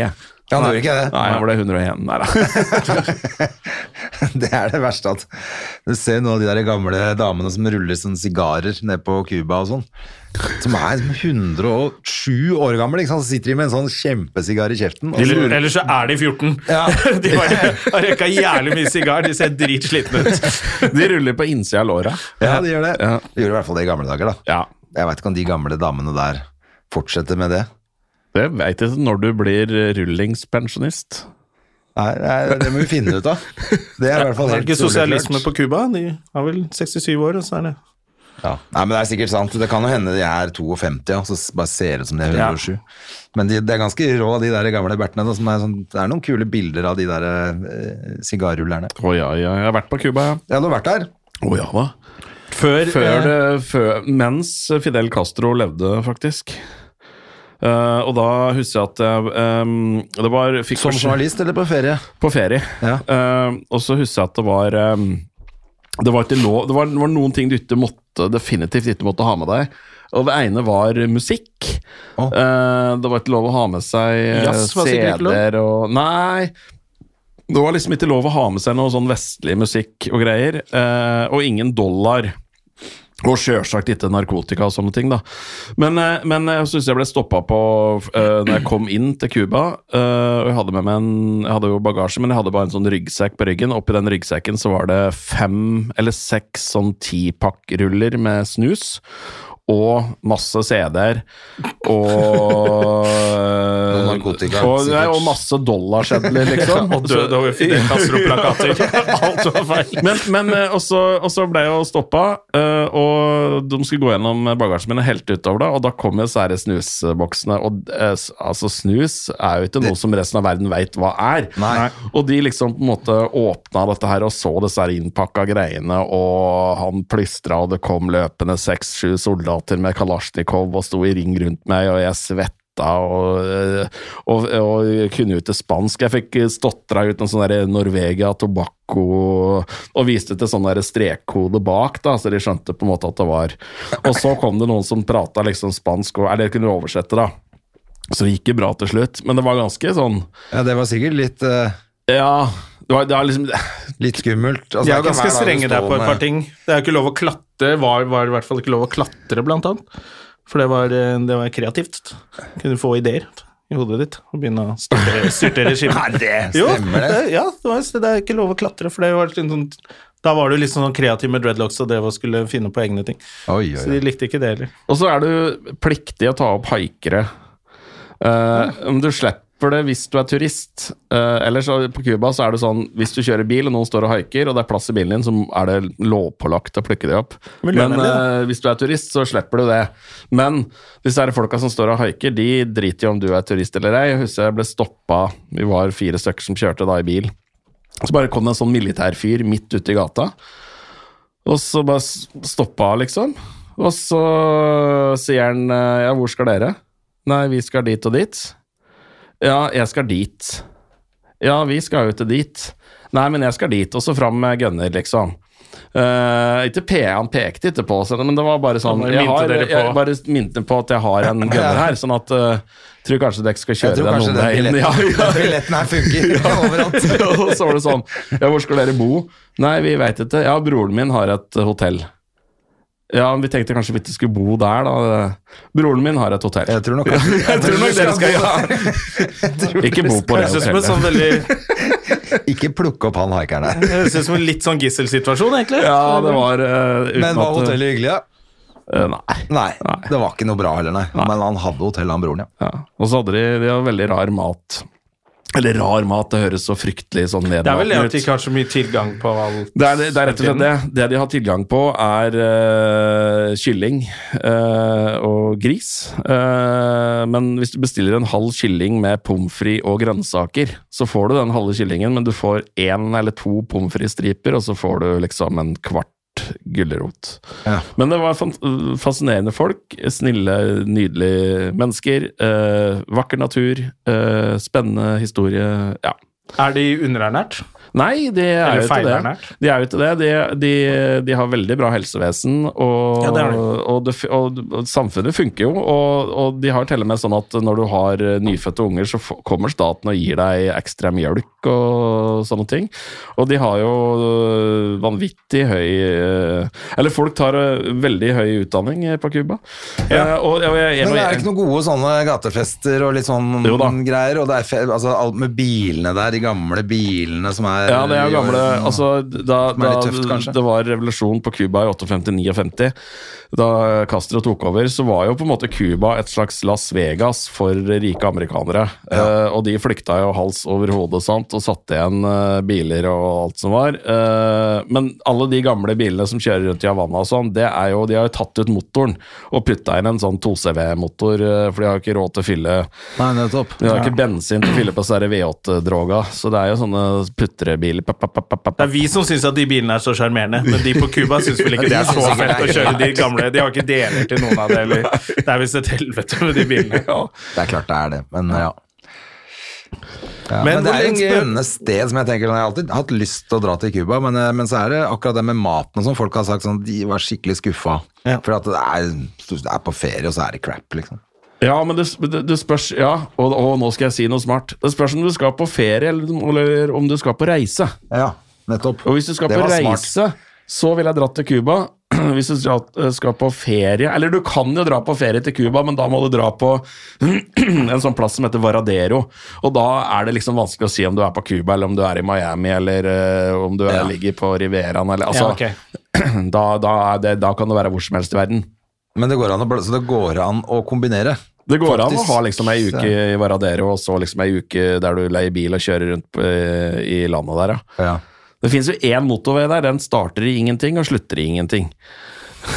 Det hørtes kommunistisk ut. som bare er ganske prosjekt. spesielt. Ja, det er veldig spesielt. Jeg vet ikke om jeg har lov til å dra dit, jeg. Jeg har lov til om norsk. Å ja, fordi du er jo ja, Du må jo bare ikke si at du er amerikaner, da. Jo, de har åpna for det, tror jeg. Oh, ja, okay. Jeg, Jeg syns jo støttet var litt artig når hver gang det skjedde en eller annen sånn naturkatastrofe i USA, en tornado eller oversvømmelse eller noe sånt noe, så sendte alltid Fidel Castro telegram til den som var sittende amerikansk president, og tilby seg å hjelpe.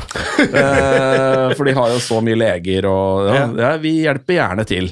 Og fikk alltid nei, da. Men eh, sendte alltid Det er greit han har gjort. Ja, ja, ja. Men hvor lenge var du journalist? Du sa du hadde 30 jobba på 30 år. 30 år, ja. Men eh, jobbet du bare Du har vel ikke bare jobbet på desken? Uh, nei, jeg starta i min lokal, uh, lokalavis, Oppland Arbeiderblad. Uh, hadde første vakta i russedress, syns jeg, så jeg starta ganske tidlig. Eh, Men jobbet jobber ikke Gustav Nilsen også der? Eh, ja, eh, han har òg vært innom der. Ja, Eh, jeg mener jeg husker at han har snakka om. Ja, og, og da eh, fikk jeg jo fast jobb veldig fort. Um, så jeg, jeg ga jo blaffen i videre utdanning. Så du har ikke, du har ikke gått på Volda? Jeg har eh, ingen uh, journalistisk uh, utdannelse, nei.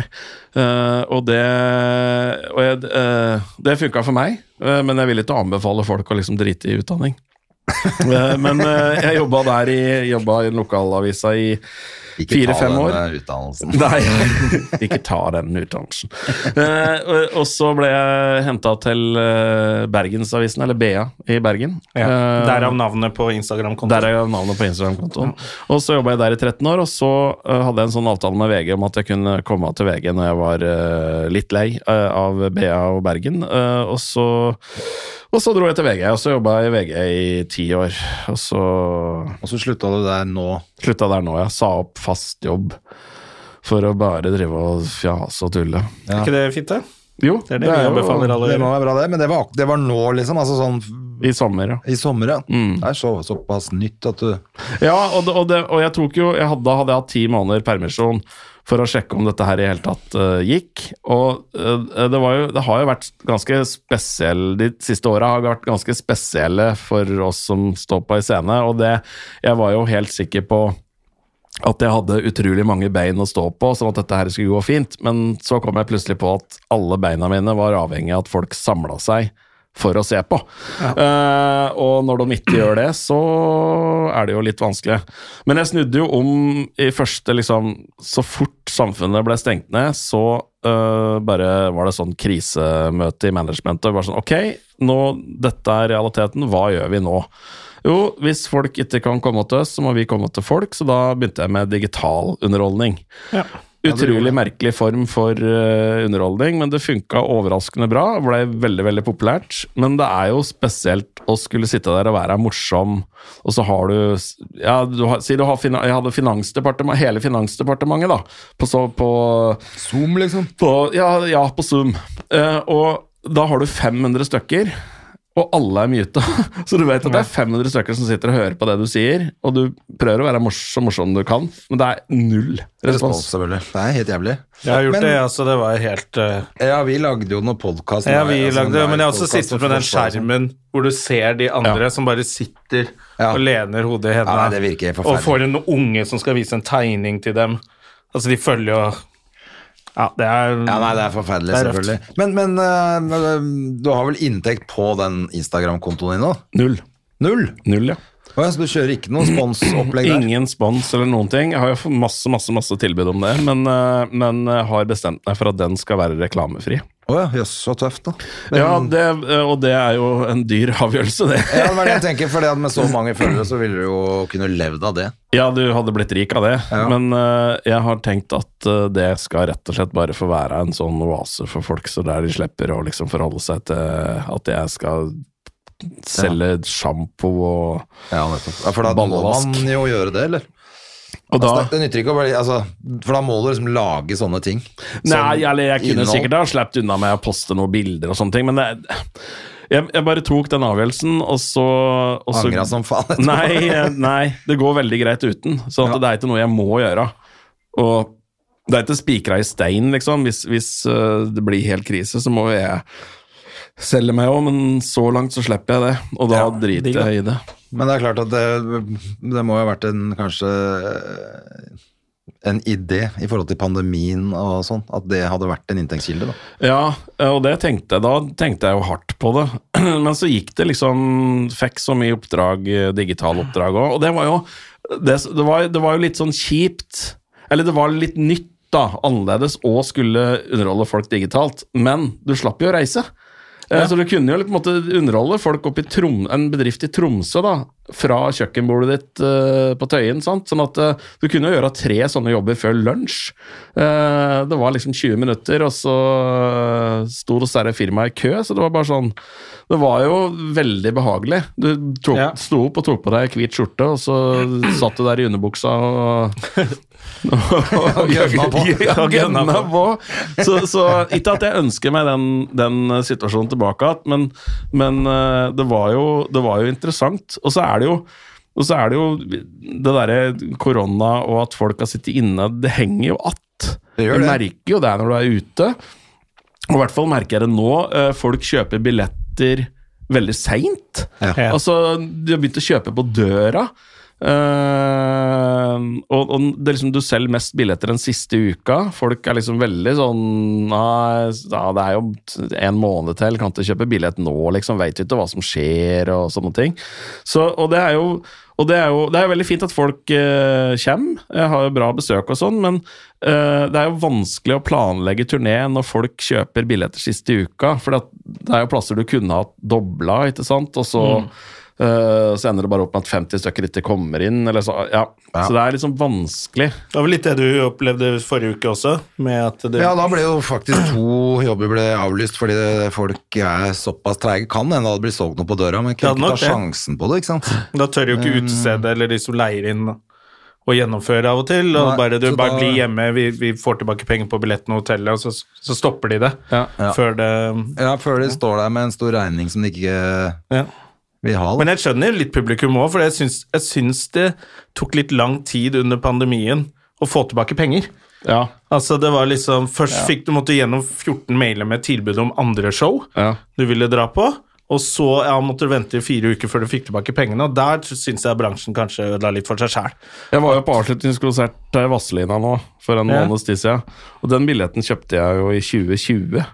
Ja, ikke sant. Og så har det blitt utsatt tre ganger. Så det var bare sånn derre Har jeg en billett? Når var det? Hvor er den? Eh, Ja. Ja. Så, så jeg, ja, jeg skjønner jo, jeg skjønner jo publikum, men, men jeg er jo litt bekymra. Jeg klarer meg veldig bra, men jeg er jo litt bekymra for Ja, si hvis du er ung musiker, da, Ja. og så har du liksom øh, ferdig masse låter øh, våren 2020. Og du hadde planlagt å dra på festivaler eller en turné, og så gikk det i dass, og fordi du ikke fikk gjort det, så er det ingen som hører på musikken din. Og så blir det sånn derre øh, følgefeil, da. Ja, jeg tror det gjelder mange som etablerte òg, jeg. Ja. At de øh, ikke Altså, jeg tenker bare på meg sjøl. Altså, jeg var jo i gang med å lage et show og skulle ut på en test, lang testrunde som bare ble avlyst det Ja. første Altså f i første biten av pandemien, da. Og så trodde man ja, nå er vi i gang igjen, så gikk vi til helvete igjen. Ja. Og til slutt så var det bare å glemme hele greia. Og, ja. og så gikk det plutselig så lang tid at jeg tror det gjaldt for mange at man, hele momentet datt jo ut også, ikke sant? I, Det var jo noen som hadde show som kanskje vitsene ble litt Ja, jeg hadde Altså, masse det hadde som skjedd- sånn, skjedd noen ting siden sist.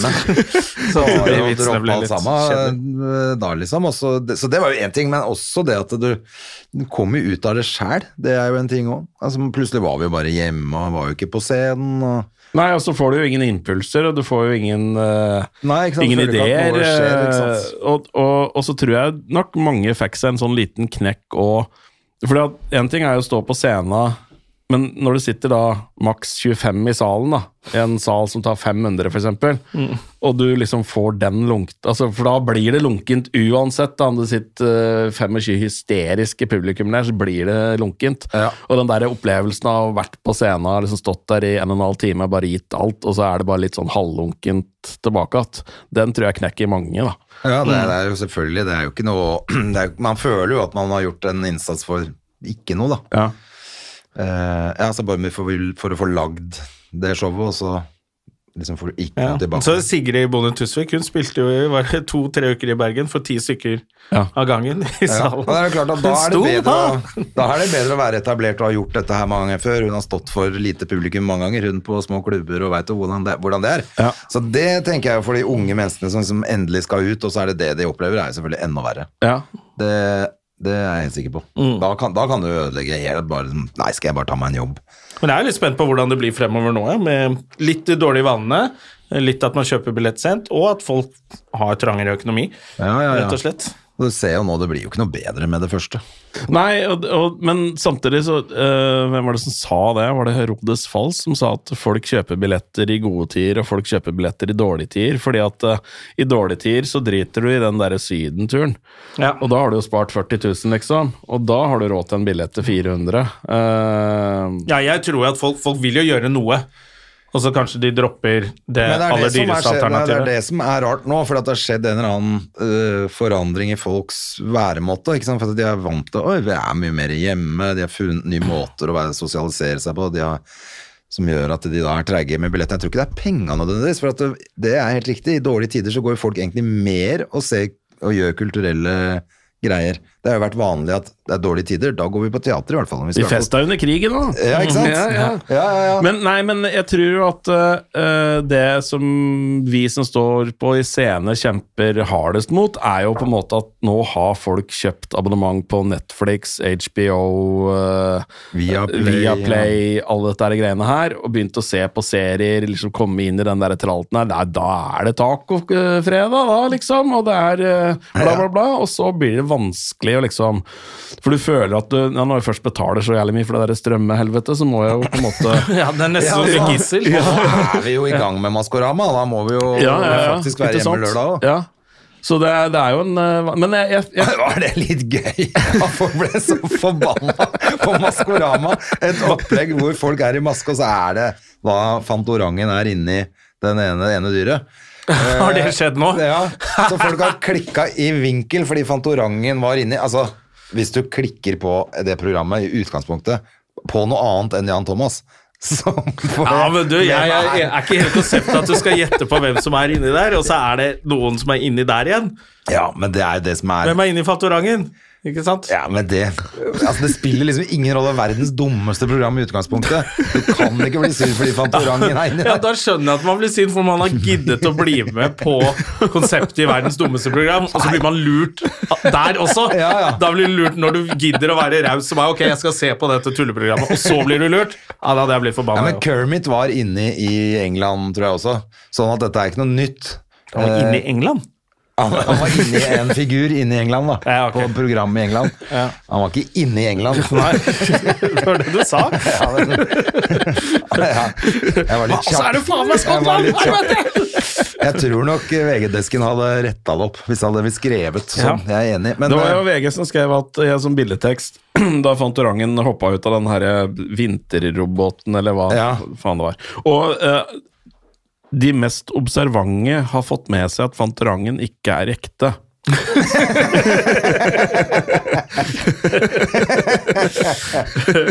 jeg elsker i hvert fall at folk blir sure. Ah, Også hvis, du, også hvis det er noe Nei, nei jeg var sikker på at det var Mari Maurstad. Ja, men det driter vi i. Det var Fantorangen. Slapp av litt, da. Det spiller da ingen rolle. Det skulle jo vært Maurstad, ja. ja, ja. Dritsur fordi det ikke er Mari Maurstad som er inni der. Jeg ble Men, spurt eh, om å være Fantorangen jeg, i min tid. Nei. Ja. Da var jeg for kul til å være det. Ja, ja, det er klart. Så da, da kunne jeg hatt jobb fortsatt. det er helt nydelig. Men hvem er det som er inne i Fantorangen, da? Ja, det kan jeg ikke si. Er det hemmelig? Eh, Nei, jeg tror ikke det er så hemmelig, men eh, Du det er en, det er en sånn litt gæren dame som jobber i NRK. Ja, men du vet hvem det er? Ja. Ja, ok. Men det er, skal liksom være hemmelig hvem det er? Hun er ikke noe kjent, så det er helt uinteressant. Ja, ja. For men folk. det er ikke en sånn greie at Eller kanskje fordi Maskorama-folkene vil finne ut hvem hun er. Ja, ja, de vil jo selvfølgelig De de nekter å gi seg sikkert de, før, før Fantorangen må kle av seg. Av med maska.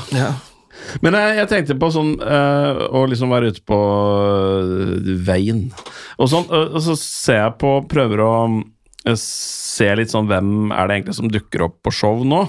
Eh, og og de, de liksom fansa til BA-desken er jo veldig mangslungne. Altså det er noen som, noen som har en sånn type humor som på en måte treffer veldig godt mellom 20 og 25 innafor Ring 2, liksom. Uh, litt sånn type Nye og det, den gjengen der. Og så uh, har du Mens BA-desken er mer sånn jeg ser på kontoen, og liksom hvem Det har jo mulighet til å se hvem som følger konto på sånn alderssammensetning og sånn. Oh, ja. Og da er det fra Det er liksom ganske jevnt fra 13 til 90 år, liksom. Det er sånn Gamle folk syns det er morsomt på sin måte, og unge folk syns det er morsomt på sin måte. Og sånn er det litt i salen nå. Jeg er liksom bare overraska over hvor mange eldre som dukker opp på show. Det kan være fordi de har penger til å gå på show, øh, men øh, Sikkert litt det også, men eh, at det er vel en del eldre som syns at Bra mye, mye show, show blir litt Dette er barnslig et show også. for alle, dette. ja. jeg, jeg, jeg, er jo forfatter øh, i Kagge, og uh, da var jeg med på sånn bokturné en gang, og da var det en fyr som hadde skrevet ei bok om huden. Og Verdens største organ? ja, ja, oi, riktig. Ikke verdens største, men kroppens Nei, største. Kroppen, jo, det er verdens største.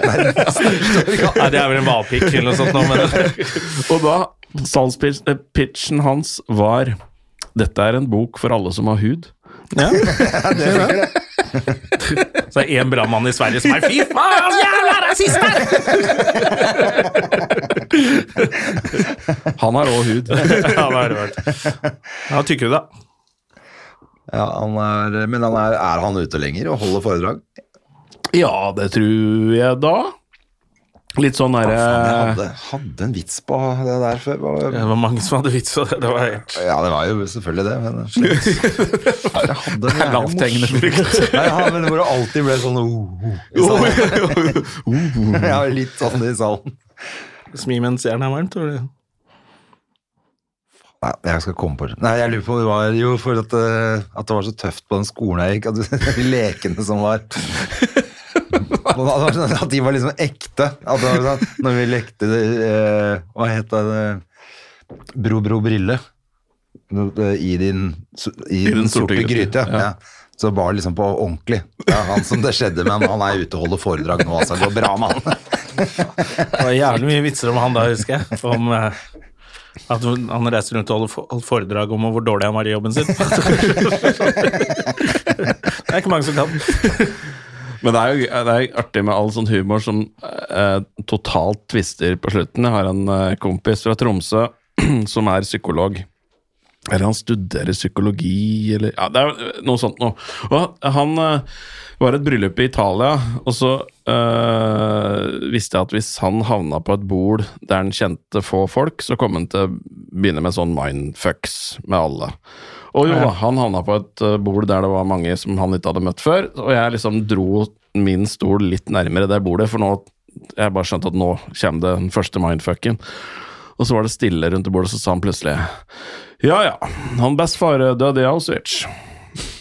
Og liksom alle bare sånn Oh, shit! Au, uff, ja, det var uh, Ei, triste greier. Og den der eh, kondolanserunden gikk liksom rundt hele bordet, da. Altså, ja, han falt ned fra det der vakttårnet, vet du. Det var ikke noe sikring der. Men det, er Tar ikke, på hvem er det Han der fra sta- Hans Morten gjør det. Nei, men det er mange som eh, Altså, jeg har hørt den med amerikanske komikere. Jeg har Å, ja, hørt den ja, ja. med Hans Morten, jeg har hørt med andre Altså, det er masse folk som bruker den. Det er rett og slett en stjålet vits. Ja, jeg, men jeg lurer på altså, Jeg tror til og med altså, sånn, Omtrent bestefaren min fortalte den vitsen. Ja. så jeg husker første gang jeg hørte Hans Morten gjøre det, tenkte jeg sånn Jøss, bruker du den på scenen? Ja, jeg husker jeg også tenkte det. Å, kan ikke ta den på scenen, det er jo en vits fra å Se og Hør, liksom. Ja, og en vandrehistorie. Ja. Eh, og, og Men nå går det ikke an å stjele lenger, da. Nei. Det ble gjort ganske Kraftig før, kraftig jeg, før, før folk fikk YouTube og Ja. Da kunne du jo bare dra på studietur til eh, England. Ja, Det var vel det du gjorde er- litt i Primavera og Ja, de jeg tenker gutta? jo at er ganske mye jeg har oppdaga på YouTube seinere, hvor jeg tenker sånn Oi, jøss, det er der det kom fra, ja. Han derre der, Er det Øyvind Blunk som står og forteller 'Party i Ja, magen'? Ja da, ja, ja, ja. Ja, den er jo en amerikansk komiker. Det som er flaut med den, er at ikke, der kunne de jo bare ha, ha Gjort den om, skrevet den om. Kreditert. Ja, eller bare kreditert Ja. og sagt at vi har bare gjort den om. Altså, Ja. ingen, ingen bryr seg om det. Så, øh, han har jo aldri gjort noe som er noe originalt allikevel, føler jeg. Sånn, det er skrevet til han, eller eh, altså det, er ikke at han er, det er ikke noe viktig for han sikkert det hvem som har lagd det greiene der. Han kunne jo bare sagt at dette, ja, ja, vi har oversatt og uh, betalt for det, liksom. Ja. Så hadde jo alt vært greit. ja. Ja, jeg var, det er det, er så er stort i... nummer av en, en, en fyr som har tenkt ut dette selv, og da syns jeg det er så ekkelt å bare stjele den. Ja, men jeg tror ikke han har skjønt det, da. Det er verre med de tekstforfatterne, tenker jeg, som, som Ja, står som og så- tekstforfatter Og tjente masse penger på å ikke gjøre jobben det sin. Da Ja. er det jo helt krise. Han fikk jo, han der Truls Svendsen fikk jo ganske grei beskjed da han hadde stjålet en Seinfeld-vits på TV. på TV da han gjorde den som sin egen. Det Ja. var eh, Men det husker jeg hadde sånn mareritt om uh, i gamle dager. Eller gamle dager og gamle dager, men jeg drev og var veldig mye på sånn Twitter før. Og skrev sånn typ sånn Nytt på nytt, one-linere og sånn. Eh, det var på en måte det som dro meg inn i humoren. For da, også, da fikk jeg jo skrive Nytt på nytt noen år seinere. men, men da Jeg var sånn redd for at uh, eh, og, da, og, da, og jeg så ikke på komikere på TV, jeg gikk ikke og hørte på standup, for jeg var så redd for at det skulle feste seg et eller annet i bakhuet, og så at skulle det liksom komme fram idet jeg satt og skrev en vits, og så skulle jeg bli tatt i liksom å ha stjålet en vits ja. altså det, det var liksom det største marerittet jeg kunne tenke meg på den tida. Det var liksom å Men du skrev for Nytt på Nytt? Skrev for Nytt på Nytt, ja. Og lenge, eller? Par sesonger. Ja. Var det gøy, eller var det slitsomt? Eh, det var jo eh, eh, Det var jo artig. Eh, og så var det eh, Dette her var jo på et, tidspunkt der jeg sto liksom veldig i limbo mellom journalistikk og humor, og tenkte at dette her er jo en Det er en del sånne tilbud du får som du ikke sier nei til, og det var ikke spesielt fett betalt, og det var jo ekstremt eh, mye jobb og sånne ting, men du, må, du vil gjerne bare ha det på CV-en, og så Ja. Men det funka jo sånn at da si at klokka ti på tirsdag så fikk vi liksom eh, et tema. Så må du skrive 250 one-linere eh, om det temaet. Eh, og så leverer du klokka to, da. Og da sitter du og skriver eh, 200 helt bedritne one-linere og 30 sånn halvbrukbare og 10 bra og 10 veldig bra. Ja. Og av de ti veldig Eller så blir det alltid de som sitter og plukker ut, da. Eh, Den som du syns er best, den er liksom for politisk, eller for grov, eller for vanskelig. For det er, det er sånn De har sånn veldig eh, Veldig et slags eh, oppskrift på hvordan en god Nytt på nytt-vits skal være. Han skal ikke være Altså, han skal ikke være for bra heller, vet du. For Det har jeg merka. Ja. Det er så kjedelige vitser i det programmet at det er jo faen meg til å skyte seg hvis den er for bra, så blir folk sittende og humre for lenge. Oh ja, og da går du glipp av neste vits. Så et sånn perfekt Nytt på nytt-vits er den der Ja. Ja. Og så får du med deg neste vits òg. Og så skal det ikke være for religiøst og ikke, altså ikke for støtende. Du må tenke på at det er folk mellom 13 og 80 som ser på, og bla, bla, bla. bla, bla. Og så av de 250 one-linerne du har skrevet i, så er det kanskje fem som havner i manus. Og så sier noen noe feil på opptaket, så da er to av de ute. Og så er det kanskje to-tre som havner på TV, da, ikke sant. Ja. Så du skriver jo for stort sett for søppelkassa.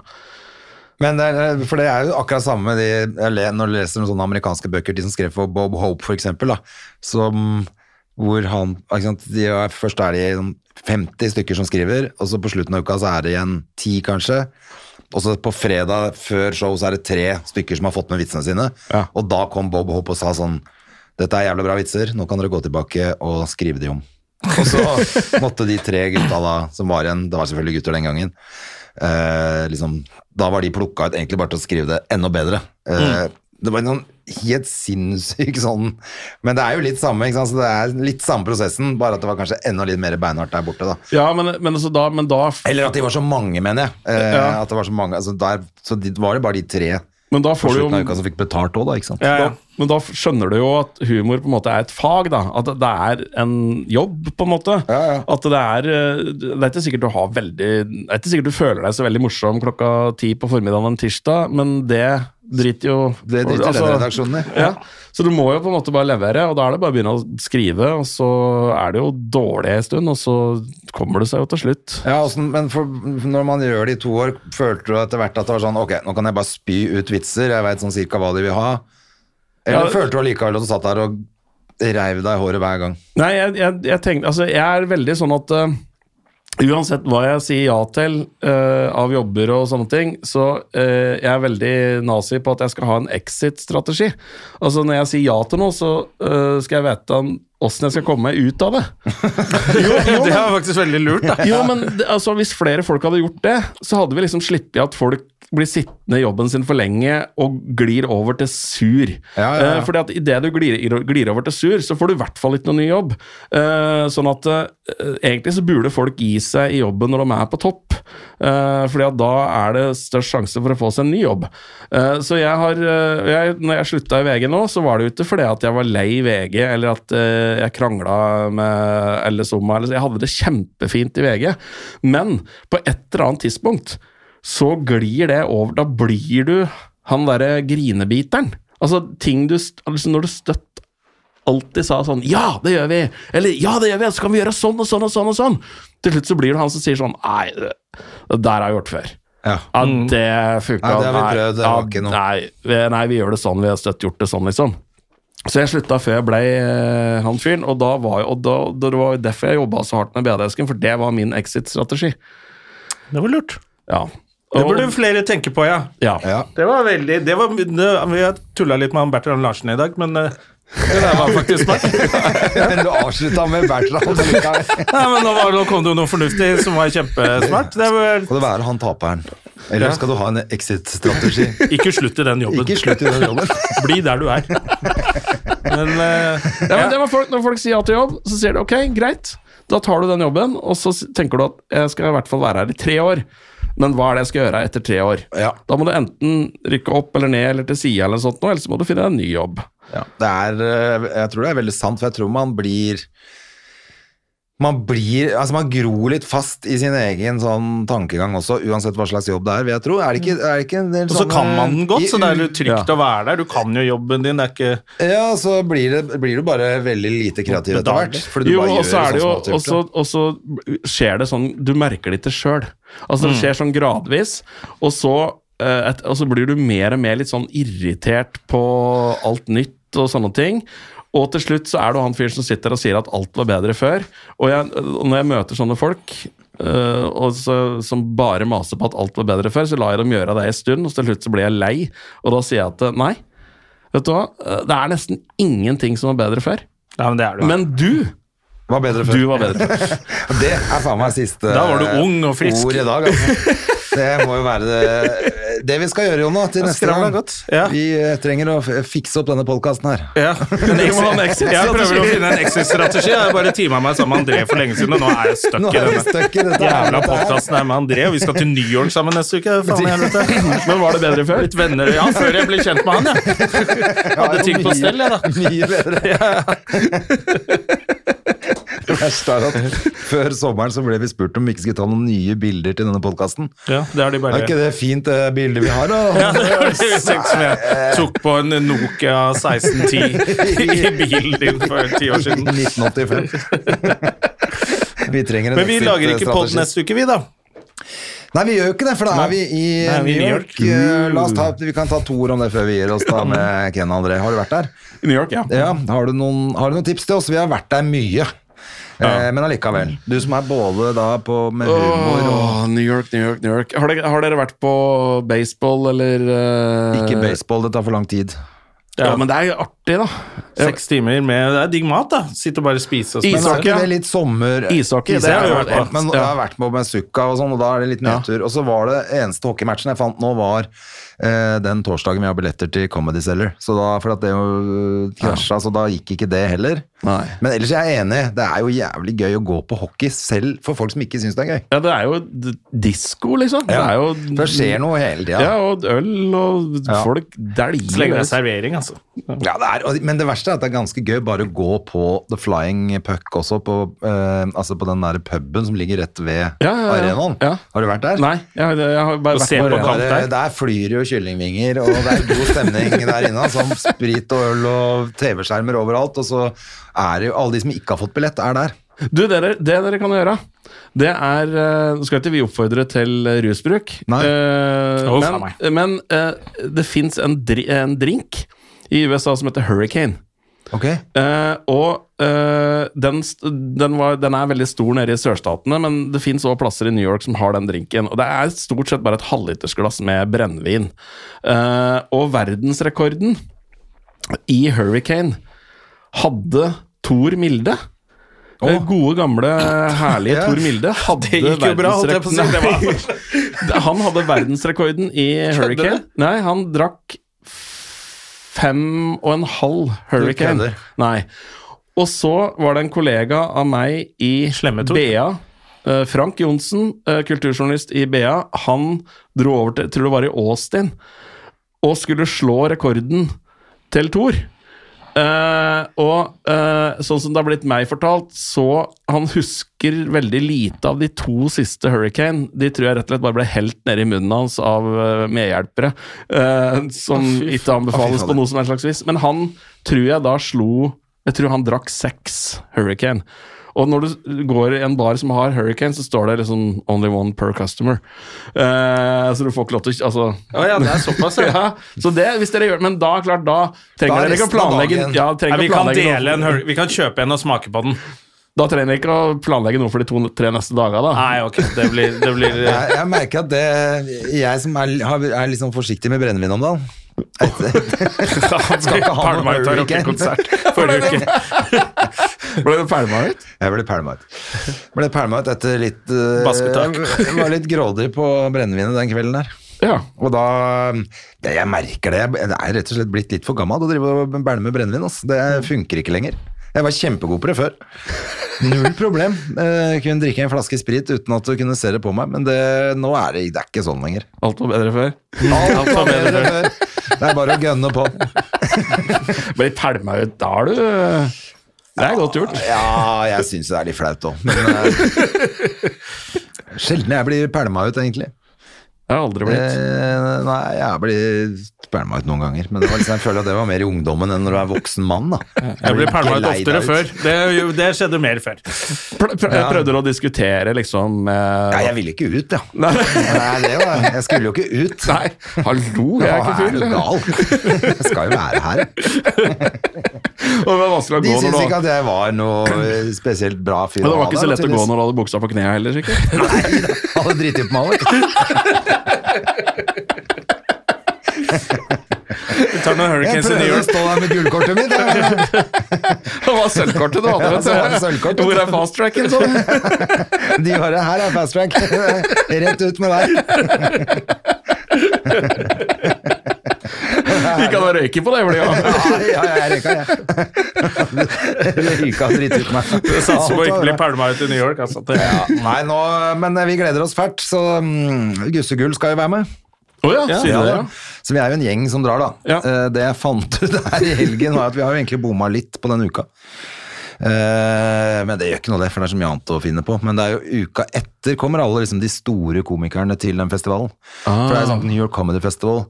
Men jeg så at den uka vi er der, så er jo liksom ikke noen av de store showene, faktisk. Men det vi kan ha flaks med da, er jo ofte når de skal på store show, så kommer de og så tester ut på de små klubbene. Og Ja. vi skal jo på mange av dem. Ja. Det var jo noen som da Chris Rock var det vel, som skulle lede Oscar eller noe sånt nå. Da var jo han ti kvelder på rad på Comedy Cellar. Ikke sant? Så hvis man har litt flaks så, Men Ja, dere, skal dere gjøre noe? Nei, altså jeg vet eh, Joakim som skal være med, han har, driver og sjekker opp litt om det går an å komme seg opp noen scener. Så sa jeg, jeg sa i hvert fall sa til han at hvis han ordner det, så skal jeg bli med. Men jeg gidder ikke å styre med det sjæl. Men det kan hende at jeg trekker meg Men også. har dere, eh, har, har dere stått uh, altså standup på engelsk før? Ja, Ja da. Men eh, Jonna gjør det jo hele tida. Ja. jeg gjør det fordi de ikke skjønner at de må spørre de engelsktalende komikerne vi har. Så spør de meg, og så må jeg gjøre det. Og så spør de alltid når jeg har lite jobber. Så da sier jeg ja, Ja. og så må jeg gjøre det.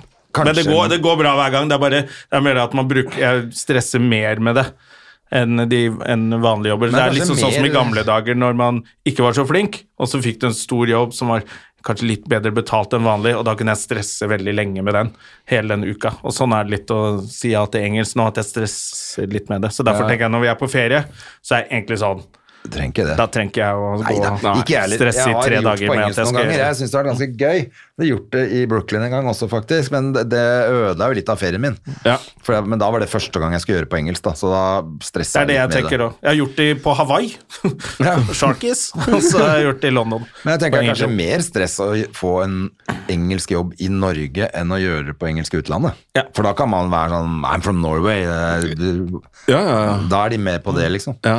Men hvis Jeg løste litt koden nå på den jeg gjorde nå, faktisk forrige uke. Ja, for du gjorde en nå i helga. Ja, og da, da var det litt dårlig tid, så jeg fikk ikke gjort så mye. Hadde ikke tid til så mye på slutten, men da det var, De fleste var jo norske der. Men så er det noen engelske kunder, og litt sånn, så derfor må man gjøre det på engelsk. Men det å forklare eh, engelskmennene hva de kan prate med nordmenn om, nå som vi skal mingle, det var en veldig sånn fin greie. Jon Carew, eh, det er Norges OJ Simpson, han skal i fengsel. Og da ler jo de norske, Ja. og så blir det egentlig, Hvorfor er det gøy? Og så har de noe å snakke om etterpå, pluss at du underholdt de norske Med, med norsk humor. Ja, ja, ja. Eh, Så det, det, var, det ble veldig suksess, faktisk. Som bare liten sånn på tampen der. Ha- Så da gikk det veldig bra. Men eh, ok, la oss avslutte med det. Har, eh, har Benny fått dom, eller venter Nei, vi på ennå. Nei, nei, nei. Benny? Venter på den. Men han er jo Forsvaret hans virker som at han har tenkt at jeg er jo mentalt boende i Storbritannia. Var det han sa ganske tidlig. Mentalt sett så bodde jeg i Storbritannia. Ah, jeg tror ikke det holder her, altså. Hvis, hvis- hvis det går gjennom, så vil jeg uh, anføre at jeg mentalt sett bor i Sveits. Ja. Og I Lugano. det, alle disse skattekravene skattekrava som kommer, det forholder jeg meg ikke til. Nei, jeg bor i Sveits, jeg. Ja. Mentalt. Men, eh, men jeg, altså, det var en eller annen i påtalene mine som har sagt et eller annet om at du bør kunne vite ja, du bør Alle vet hva 183 Ja, dager Alle er. vet hva 183 dager er. Det er liksom, det er vanskelig å si noe mer. Ja. Er du ikke litt fucked? Jo, Ja, han ja. er ganske fucka, altså. Men han har jo vært veldig åpen om det, da, så han håper vel på litt sånn tilståelsesrabatt Han har jo og åpenbart satt all sin lit til Flod. Men det som gjør det litt skurkete, er jo at Flod har sagt sånn Å, brukte du det norske bankkortet ditt? Og det skulle du ikke gjort. Og da blir det sånn Ok, men da skjønner du vel at du Ja, er da med er på det noen jo et eller annet. skurkegreier Ja. når du får beskjed om å bruke det engelske kortet ditt Ja, Jo, når det er i det er- Norge. det- så er det det bare sånn Du, bare Men jeg skjønner jo Altså, jeg har jo litt sympati med Karev, fordi at Altså, det at du er ekstremt god i én ting, betyr jo ikke at du har kontroll. Altså, betyr jo gjerne det motsatte. Altså, Han har vært så ekstremt god på én ting at han har sannsynligvis ikke kontroll på noe annet. Ja. Uh, og det er litt sånn som jeg så for meg Pluss at han har det eh, Pandoras kort når han er ute og reiser. pandemikortet. Men jeg tenkte, altså bare se for meg, hvis du liksom, Når du blir konfirmert, så kommer det en fyr fra det offisielle Norge med ti poeng. Ti enkeltstående poeng som du skal fordele utover egenskaper du har lyst til å ha resten av livet. Og, det, altså, og så ser jeg for meg Erling Braut Haaland sitter der, så kommer den der representanten Ja, Erling, da har du ti poeng her. Var det fotball? Ja, men skal du ikke ha ett poeng på å liksom klare å sette sammen setninger til fotball? Ja, men hva med bare ett poeng på Fotball! Ja. Og så har du- får du ti poeng på fotball, liksom, og så har du ikke noe Og så har du valgt, det er Og så ansetter ansetter du Egil Østenstad som finansminister i, i Holland, eh, og det har han jo gjort nå, Ja. så han skal ta seg av alt det der. Men Karev har jo gjort det samme. Han Ja. hadde jo en advokat ja. som fa ekstrapappa og rådgiver. Ja. Og da tenker jeg at du burde gå egentlig på advokaten. Advokatlisens, grov uforstand Altså, han er advokat, Ja. og hvis du ikke kan er det stole på advokater, hvor er vi da? Jo, jo, jo, jo, ja, men, Men du bør kunne liksom Jeg er samfunn er advokat nå siden jeg er 17 år. Ja. Ja. Men det jeg blir jo litt tror sånn kanskje det er derfor han slipper unna fengsel, fordi at det må være Men du har jo liksom ansvar selv, da. Det er- Og så er det jo et eller annet med at skatteunndragelse straffes tradisjonelt sett veldig hardt i Norge, fordi Ja. at vi er så opptatt av fellesskap, og alle må bidra til fellesskap, og hvis du begynner å slippe opp på det, så rakner driten. Men det er som du sier, altså, han visste at dette her kan jeg ingenting om, jeg leier inn noen som kan noe om det. Det er litt sånn som hvis jeg øh, sier til revisoren kan ikke du ta deg av den greia der? Og så hvis jeg da, og hvis revisoren gjør en feil, Så må du i fengsel? og så må jeg i fengsel, fordi at eh, ja, du satte det bort, men det er tross alt ditt ansvar at dette er riktig. Å ja, men da er det Da må jeg sitte og Hvorfor kuke skal jeg betale han tullingen da? Ja, Ja. da kan liksom sitte og kuke med det sjøl, da, og Ja. få alt Ja, feil. for jeg også syns det virker er veldig Pluss at han er god for 300 et eller annet millioner. Og det er snakk om at han har, han Det er har millioner. Det er 8 millioner han har unndratt, og det er fem millioner han skulle betale i skatt for det. Ja, sånn, ja. Altså, jeg tror ikke han var interessert i å gjøre seg til skurk Nei, for, for så det- lite det penger. også så det er liksom, motivet hans er jo åpenbart ikke å være skurk. Nei da, jeg tror heller ikke det. Og så tenker jeg ok, han kan risikere seks år i fengsel. Uh, det er ganske døvt. Ja, jeg tviler på at han får det, men uansett, si at han får 18 måneder, da. Få halvannet år. Uh, og så har han akkurat fått en kid, har han ikke det? Altså, det er jo ganske døve 18 måneder og Det er ikke noe gøy i fengsel uansett. åpenbart ikke har gjort med Altså, jeg tror ikke han har gjort det med vilje. Nei, det er, det er Det er Per Aflod Flod som har fucka opp hele greia. Ja, men det er klart Han begynner å bli er gammel. Han, han skulle hatt en exit-strategi. Han Per Aflod, Flod han er jo altfor gammel nå til å drive og ta seg av superstjerner. Ja. Han skulle bare Nå, Karev, Ikke får du nye advokater. Ikke betal den skatten. Bare gi- har du lyst til å være en taper, bare drit i å betale den skatten. Stol, stol på han gamle, senile advokaten der som har skodd seg på din karriere. Ålreit, vi avslutter der. Du, eh, Ken André Ottesen. Lykke til med show fremover. Hvor er det man kan se deg neste gang, eh, Ja, som ikke er lukka arrangement? Uh, det er uh, Tenk på å dra på sjøl. Lillehammer på onsdag, Steinkjer på fredag, Nordfjordeid på lørdag, Ålesund på onsdag, Harstad på torsdag igjen. Ja, er, Gå Ja. inn på brdesken.no. Der fins det. finner du hele turnélista til Det gjør du. eh, Ken, Kennan. Kennan. Kennan. Hyggelig at du kom. Vi snakkes. Vi snakkes. Ha det. Adjø. Har du et enkeltpersonforetak eller en liten bedrift? Da er du sikkert lei av å høre meg snakke om hvor enkelt det er med kvitteringer og bilag i fiken, så vi eh, gir oss her, vi. Fordi vi liker enkelt. Fiken superenkelt regnskap.